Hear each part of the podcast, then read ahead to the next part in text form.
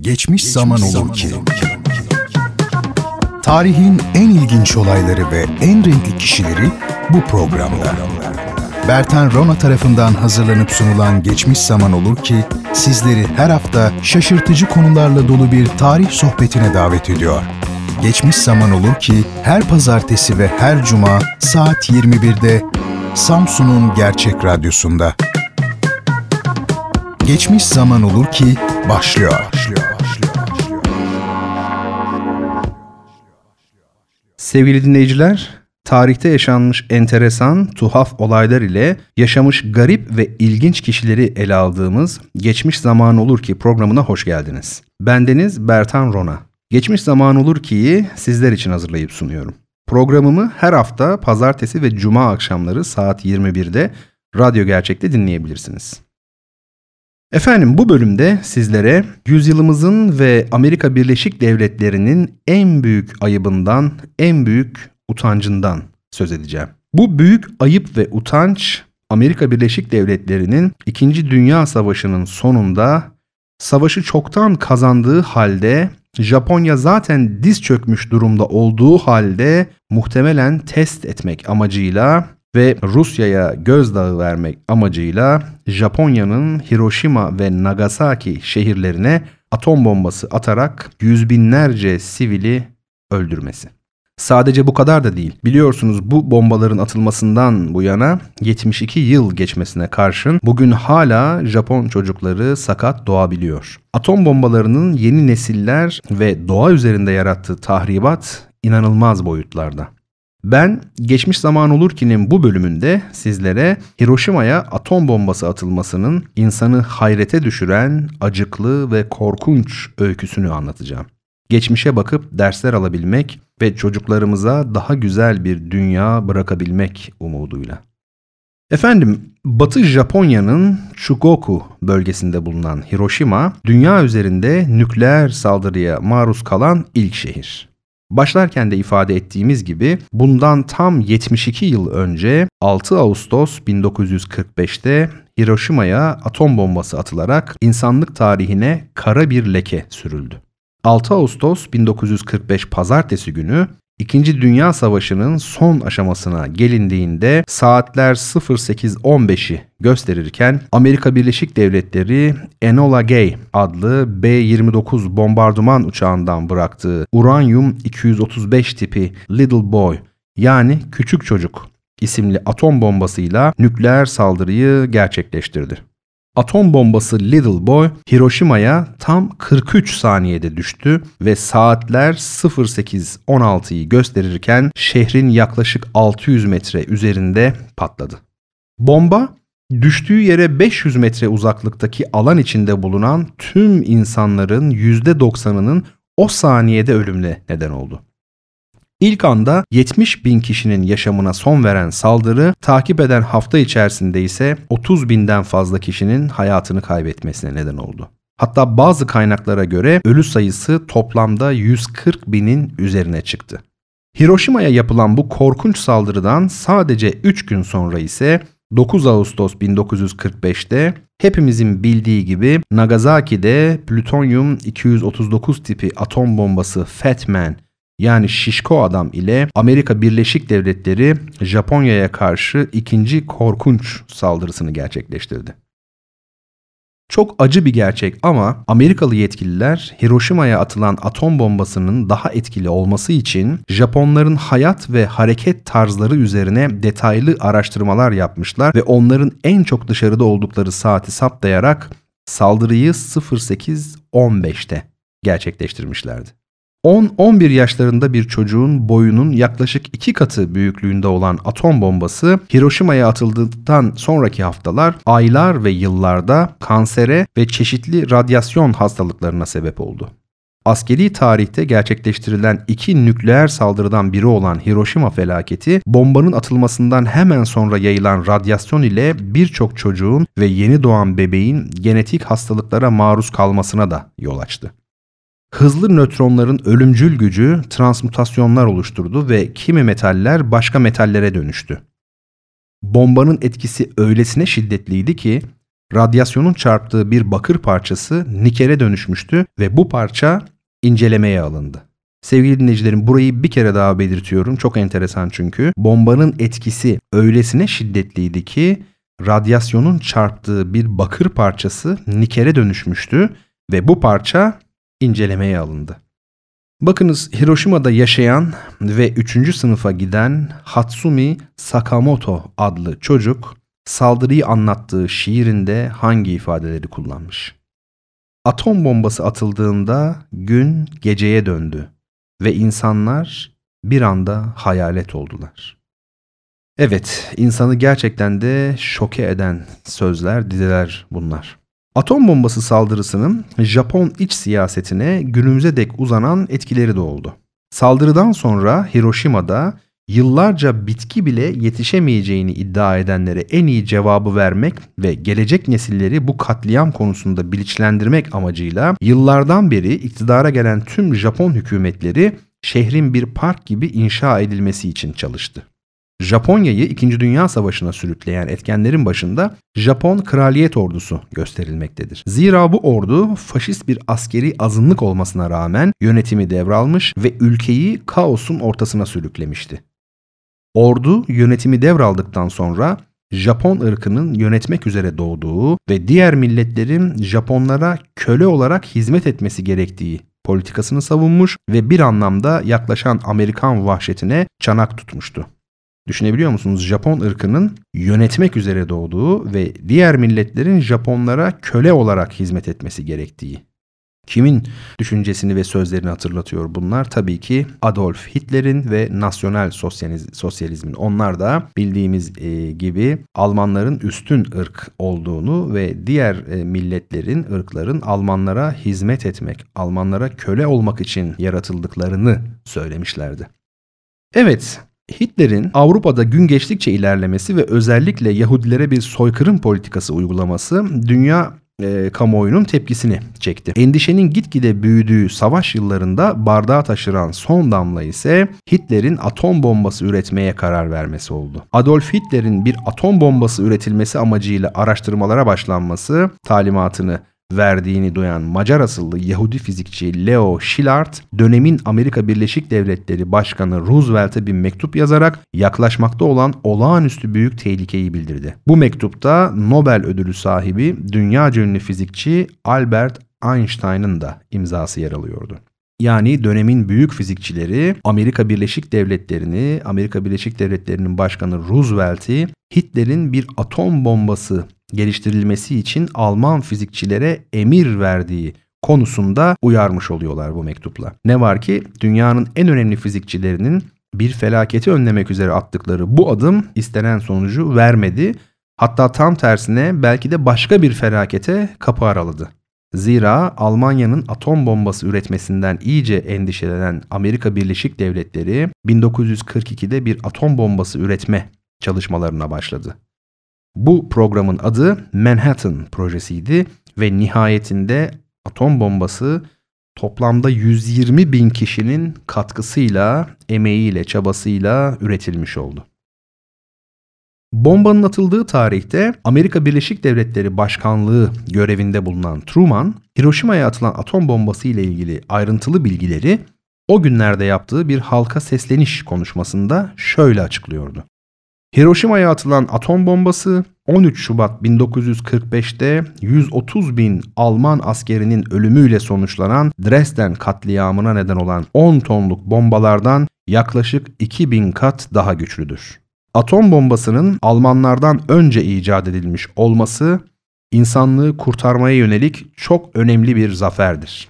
Nasıl bir zaferse artık bu. E, toplam 210 bin sivili öldüreceksiniz ve bu insanlık için büyük zafer olacak. Kanımca Truman'ın bunu söylemesinden daha şaşırtıcı olan bir şey var. O da Amerikan halkının bu kadar trajikomik bir açıklamaya inanmış olması. En azından büyük bir kısmının inanmış olması. Bizler elbette ki Hitler'in, nasyonel sosyalizmin, Almanya'nın 2. Dünya Savaşı'nda bütün dünya için yarattığı o büyük tehdidi bugün küçümseyemeyiz. Bunu kabul etmeliyiz elbette. Ancak 210 bin sivilin ölümüne yol açan bir atom bombası saldırısı gerçekleştirmiş bir ülkenin başkanı bunun dünya için çok büyük bir zafer olduğunu da e, söylememeli, söyleyememeli. Evet, İkinci Dünya Savaşı'nın tam ortalarında Ekim 1942'de savaşın esas yükünü Sovyetler Birliği çeker hale gelmişti. Andrei Rothstein'ın 1951'de yazdığı Sovyetler Birliği Tarihi adlı kitaba göre tam da bu sırada dönemin İngiliz Başbakanı Winston Churchill İngiliz hükümetine gizli bir memorandum sundu. Churchill'e göre savaşla birlikte Rus barbarlığı Churchill'in sözleriyle söylüyorum. Rus barbarlığı Avrupa'nın köklü devletlerinin kültür ve bağımsızlığını ciddi şekilde tehdit edecek düzeye gelmişti ve bu tehdit savaştan hemen sonra İran, Irak, Türkiye ve Yunanistan'ın Kızıl Ordu tarafından işgal edilmesiyle bambaşka bir boyut kazanabilirdi.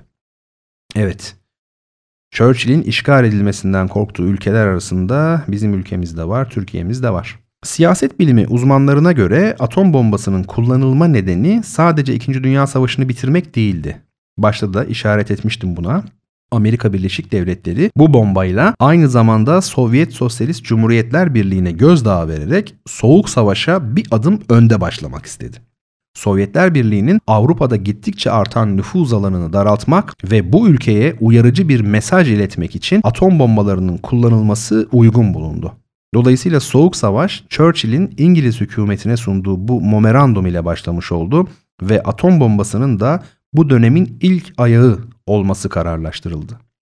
6 Ağustos 2005'te Uluslararası Atom Enerjisi Ajansı Başkanı Muhammed El Baradei, Hiroşima ve Nagasaki kentlerine bu tarihten 60 yıl önce Amerika Birleşik Devletleri'nin attığı atom bombasının yaptığı yıkımın insan hayatı için nükleer silahların ortadan kaldırılması gerektiğini gösterdiğini söyledi. Eh ne diyelim günaydın. Komediye bakar mısınız? Patlamanın üzerinden 60 yıl geçtikten, bombanın korkunç etkileri bil fiil görüldükten, hele de günümüzde o bombadan belki de 100 kere, 1000 kere güçlü bombalar üretilmişken, üretildikten sonra Uluslararası Atom Enerjisi Ajansı Başkanı çıkıyor ve nükleer silahların ortadan kaldırılması gerektiğini söylüyor. Tabi söylüyor söylemesine de keşke onun sözüyle olacak iş olsa bu. Devam edelim. Saldırıdan sonra 1948'de İngiliz fizikçi PMS Blackett konuyla ilgili bir açıklama yaptı ve bakınız o da şunları söyledi. Çözümlemelerimiz sonunda bombanın 6 Ağustos'ta çok acele bir kararla atılmasının hiçbir askeri nedeni olmadığını görüyoruz. Ama politik bir nedenin varlığı açıkça görülebiliyor. Bu saldırı daha çok savaş sonrasındaki dünyada kuvvetler dengesini belirlemeye yönelik olarak yapılmış bir saldırıdır. Atom bombasının atılması 2. Dünya Savaşı'nın son askeri eylemi değil, Sovyetler Birliği ile şimdi gelişmekte olan Soğuk Savaş'ın ilk eylemi olmuştur. Evet, e, sanırım en doğru tespiti Blackett. Bu sözlerin sahibi olan Blackett yapmış. Bakın ne diyor? Son cümleyi tekrar edeyim. Atom bombasının atılması 2. Dünya Savaşı'nın son askeri eylemi değil, Sovyetler Birliği ile şimdi gelmekte olan Soğuk Savaş'ın ilk eylemi olmuştur. Blackett'e göre savaşın galibi unvanını Sovyetler Birliği'ne kaptırmak istemeyen Amerika Birleşik Devletleri peş peşe attığı iki atom bombasıyla hem nükleer üstünlüğü ele geçirmiş hem de Soğuk Savaş döneminde belirleyici bir rol oynamış oluyordu. Sevgili dinleyiciler, bilim adamları atom bombasından yayılan radyasyonun insanlar üzerindeki zararlı etkilerini araştırabilmek amacıyla içinde 2000'den fazla radyasyondan etkilenmiş organın saklandığı Japonya Tıp Akademisi'nde bir laboratuvar kurdular. Atom bombası kurbanlarının birçoğunda atom bombası kataraktı diye adlandırılan bir e, rahatsızlık oluşmuştu. Bu rahatsızlık adını patlama anında kurbanların göz bebeklerinin merkeze doğru saydamlaşmasından e, alıyordu. Atom bombalarının patladığı anda Hiroşima ve Nagasaki kentlerinde bulunup hayatta kalan nükleer gazilere Hibakusha adı veriliyor. Hibakusha. Japon hükümetinin 31 Mart 2007 tarihli araştırmasına göre bugün 250 bin ila 400 bin civarında Hibakusha halen hayattadır. Hiroşima kentindeki bütün saatlerin patlama anı olan 08.15'te durması ise felaketle ilgili bir başka ilginç ayrıntı. Efendim, Hiroşima'daki atom bombası patlaması ile ilgili olarak bizim ülkemizi de ilgilendiren bir anekdot var. Bakınız nasıl. Bir dönem Japon eğitim uzmanları bizim eğitim sistemimizi incelemek üzere Türkiye'ye geldiklerinde dönemin başbakanı rahmetli Turgut Özal ile Japon diplomatlar arasında Hiroşima felaketi üzerine ilginç bir diyalog geçer. Birçok bürokratın da hazır bulunduğu bir ortamda Japonlar Türk eğitim sistemi üzerine yaptıkları çalışmanın sonucunu açıklarlar. O sonuç kısaca şöyledir. Sizin eğitim sisteminizde milli ruh yok. Bunun üzerine Turgut Özal şaşırır ve nasıl yani diye sorar. Japonlar ise şöyle devam ederler. Biz Japonya'da okula başlayacak çocuklarımızı milli bir ruh ile aşılarız, ruh ile doldururuz. Onları önce toplu halde hızlı trenlere bindirir, dev fabrikalarımızı, teknoloji merkezlerimizi onlara gezdirir, ülkemizin gücünü gösteririz. Sonra da bu yavrularımızı alır, Hiroşima ve Nagasaki'ye götürür, orada atom bombası atılan ve yıllardır ot dahi bitmeyen alanları gösteririz ve deriz ki eğer siz bilinçlenmez ve az önce gördüğünüz teknolojiye sahip olmak için çalışmazsanız sonunuz böyle olur. Bu sırada Türk bürokratlardan biri atılır. Ama bizim Hiroşima'mız yok ki. Bizde Hiroşima benzeri bir felaket yaşanmadı ki. Japon uzmanın buna cevabı ise çok çarpıcıdır. Sizin Çanakkale'niz 10 Hiroşima eder. Evet, ne kadar doğru bir tespit değil mi? Zira günümüzün global dünyasında diğer milletlere köle olmamanın artık tek bir yolu var, bilimde ilerlemek. Ee, bu meyanda Çanakkale şehitlerini de bir kere daha rahmetle ve hürmetle analım. Efendim Hiroşima felaketinin edebi ve sanatsal alanda da çok çarpıcı yansımaları oldu. Saldırı üzerine onlarca belgesel ve sinema filmi çekildi, yüzlerce kitap ve makale yazıldı. Televizyon programları yapıldı. Bu yayınlar tüm dünyayı siyasetten sanata, ekonomiden edebiyata kadar her alanda etkiledi. Bu çalışmalardan biri Hiroşima Mon Amour yani ülkemizde bilinen adıyla Hiroşima Sevgilim film eleştirmenleri tarafından katliam üzerine yapılmış en önemli sanatsal çalışmalardan biri olarak gösteriliyor. Düşman ve düşmanın algılanışını sorgulayan film, unutmak ile anımsamak kavramlarını izleyiciye yeniden yorumlatıyor ve savaşın insanlar üzerinde bıraktığı psikolojik hasarı da gözler önüne seriyor.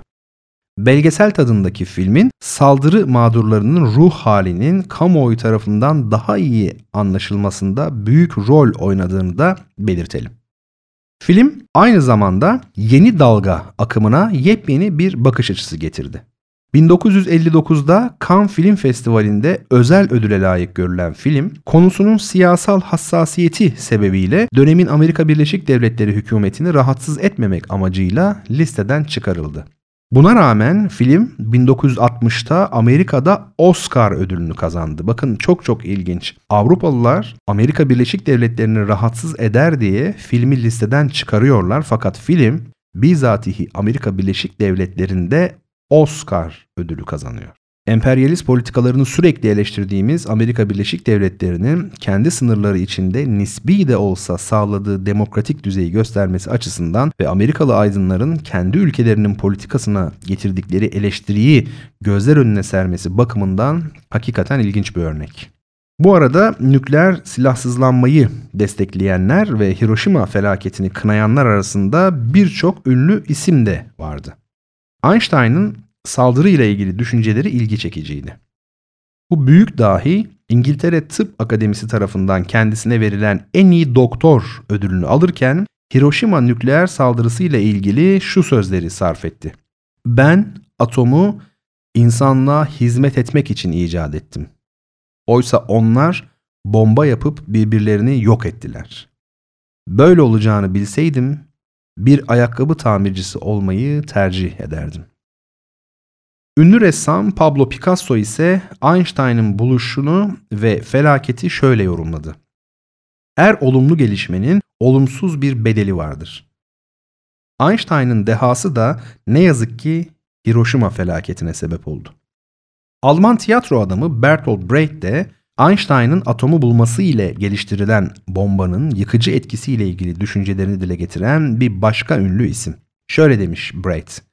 Atom çağı Hiroşima'da başladı ve bir gecede fiziğin yeni sisteminin kurucusunun hayat hikayesini farklı bir gözle okumamızı sağladı. Geçtiğimiz senelerde hayatını kaybeden Papa II. Jean Paul de Hiroşima'yı unutmadı. Şöyle dedi Jean Paul. Geçmişi hatırlamak kendini geleceğe emanet etmektir. Hiroşima'yı hatırlamak ise kendini barışa emanet etmek demektir. Sözüyle bu felaket üzerine düşüncelerini ifade etti. Gerçekten güzel bir söz. Tüm bu ünlüler arasında Türk şairi Nazım Hikmet'in Hiroşima konusunda gösterdiği duyarlılığın ise Japon halkının gönlünde apayrı bir yer edindiğini belirtelim. Şairin henüz 7 yaşındayken atom bombası saldırıcı saldırısı sonucunda öldürülen bir kız çocuğunun 10 yıl sonraki barışa çağrısını anlatan Kız Çocuğu adlı şiiri Hiroşima'daki anma törenlerinde defalarca okundu ve aynı zamanda şiir birçok sanatçı tarafından bestelenerek seslendirildi. Bu noktada Funda Arar'dan Fazıl Say'a, Bulutsuzluk Özleminden Zülfü Livaneli'ye kadar pek çok ismi örnek verebiliriz. Uluslararası müzik piyasasında da yankı uyandıran Nazım Hikmet'in bu şiiri Pete Seeger, Chitos Hajime, This Mortal Coin ve The Birds tarafından yorumlanarak albümlerdeki yerini aldı. Japonca'ya da çevrilen şiir, savaş karşıtı kesimi 60'lı yıllar boyunca etkilemeye devam etti.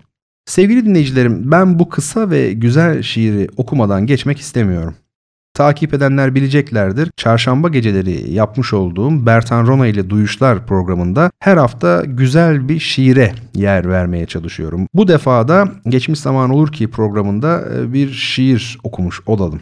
Evet, Nazım Hikmet'in her türlü siyasi, politik, ideolojik yaklaşımdan uzak durarak sadece felaketin insanca ve yalın bir ifadesine yer verdiği mısraları şöyle.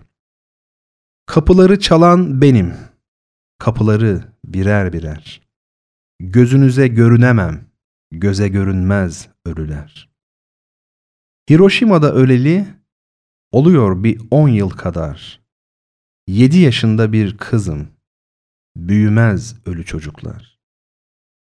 Saçlarım tutuştu önce, gözlerim yandı, kavruldu. Bir avuç kül verdim, külüm havaya savruldu. Benim sizden kendim için hiçbir şey istediğim yok. Şeker bile yiyemez ki kağıt gibi yanan çocuk. Çalıyorum kapınızı. Teyze, amca bir imza ver. Çocuklar öldürülmesin. Şeker de yiyebilsinler. Evet, gerçekten de bir çocuk kadar saf ve sade biçimde yazılmış çok güzel dizeler. Gerçekten harika. Peki biraz daha devam edelim. Dönemin siyaset bilimcileri bakalım Hiroşima'ya atılan atom bombası üzerine neler düşünmüşler, bu konuyu nasıl yorumlamışlar. Dönemin siyaset bilimcileri Hiroşima'ya atılan atom bombasını öncelikli olarak ahlaki açıdan değerlendirdiler. Atom bombalarının kullanılması için hiçbir koşulda geçerli bir sebebin olamayacağını belirttiler siyasi bir amaç uğruna sivillerin hedef olarak seçilmesi ve askeri gücün orantısız bir şekilde bu insanlar üzerinde kullanılmasının kabul edilemeyeceğini dile getirdiler. Sosyolog Kai Erikson'a göre ise Hiroşima atom bombası saldırısı askeri tesislerin yok edilmesinden çok bu şehirdeki sivil halk yoğunluğunu yok etmeyi hedeflemişti. Princeton Üniversitesi profesörü Richard Falk, terörizmin en büyük düşmanı olan Amerika Birleşik Devletleri hükümetlerinin Hiroşima'da terörizmin en büyük örneklerinden birini sergilediğini savundu. Ona göre bu katliam ile savaş sırasında insan hakları ihlal edildi ve insanlığa karşı büyük bir suç işlendi. Günümüzde siyaset bilimciler dış politikada kitle imha silahlarının kullanılmasına olan eğilimin Hiroşima saldırısıyla yasallaştığını varsaymaktadır. İkinci Dünya Savaşı'ndan önceki sivillere saldırmama konvansiyonu da bu saldırı ile maalesef bozulmuş oldu. Bugün Batı Japonya'da Hiroşima Barış Anıtı Parkı'nda saldırıda ölenler anısına yakılan bir barış ateşi bulunuyor. Anıttaki ateş anıtın yapıldığı tarih olan 1964'ten bu yana kesintisiz yanmakta. Evet sevgili dinleyicilerim. Tabii ki atom bombası ve Hiroşima üzerine söylenecek çok fazla şey var. Nükleer silahların yok edilmesi ve gelecekte böyle felaketlerin yaşanmaması için dünyada yaşayan herkesin bu konuda duyarlı olması ve elinden geleni yapması gerekiyor. Ben sözü daha fazla uzatmadan sizlere yine değerli şairlerimizden Melih Cevdet Anday'ın Hiroşima felaketi üzerine yazdığı küçük ama insanın içini acıtan bir dörtlükle veda etmek istiyorum. Evet efendim bir geçmiş zaman olur ki programının daha sonuna geldik. Bendeniz programı sizler için hazırlayıp sunan Bertan Rona. Geçmiş zaman olur ki her hafta pazartesi ve cuma akşamları saat 21'de Radyo Gerçek'te dinleyebilirsiniz. Merak uyandıran, insanı hayrete düşüren ve şaşkınlığa sevk eden hadiseler ile insanları bendenizden dinlemek, tanımak isterseniz pazartesi ve cuma akşamları saat 21'de Radyo Gerçek'te olun efendim. Tekrar görüşene dek hoşçakalın. Büyük babam, babam ben. Küçük oğlan, kız, damat. Gelişimiz teker tekerdi, gidişimiz cümbür cemaat. Geçmiş zaman olur ki sona erdi.